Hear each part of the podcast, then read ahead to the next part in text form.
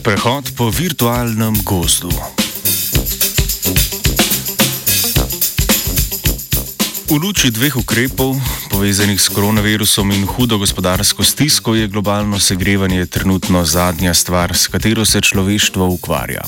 Da bi slehrniku približala izkušnjo klimatskih sprememb, je raziskovalna skupina z Univerze Penn State v virtualni resničnosti ustvarila gost, ki lahko uporabniku ali uporabnici zelo plastično prikaže, kakšen učinek na gozdove imata višanje temperature in onesnaževanje.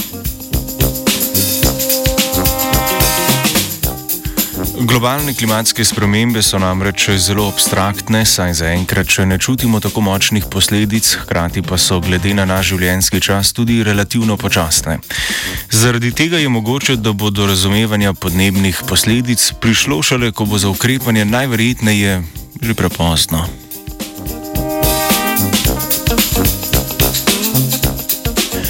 Ena izmed možnih strategij ozaveščanja ljudi je vizualizacija sprememb.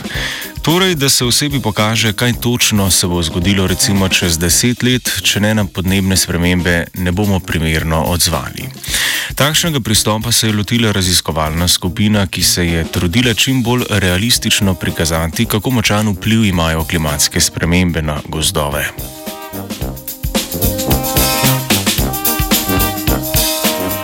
Razvoja virtualnega gozda so se lotili tako, da so za modeliranje gozda uporabili okvir za modeliranje Landis 2.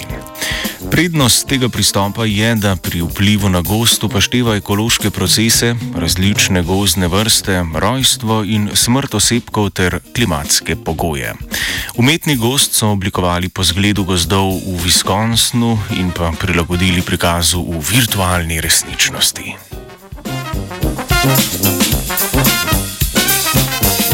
Takšen virtualni gost prek 3D očal uporabnikov ali uporabnici omogoči zelo živo izkušnjo. Gost lahko po mili volji raziskuje, nanj pa lahko tudi vpliva.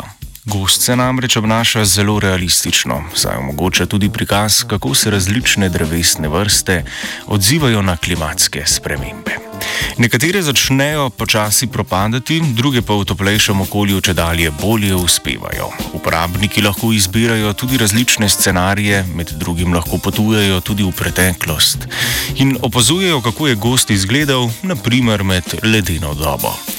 Lahko se pozanimajo o drevesnih vrstah in njihovi občutljivosti na globalno segrevanje, hkrati pa ga lahko opazujejo tudi z različnih perspektiv.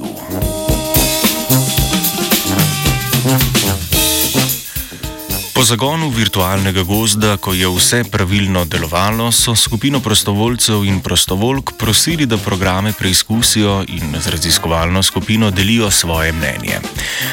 Odzivi so bili zelo pozitivni, saj je večina menila, da je program zelo poučen in enostaven za uporabo.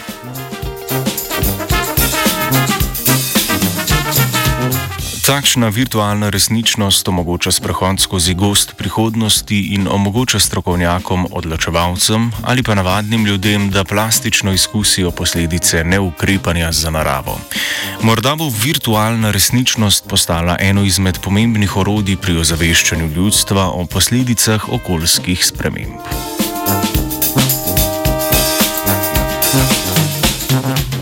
Skozi virtualni gost se bo sprehodila Dora.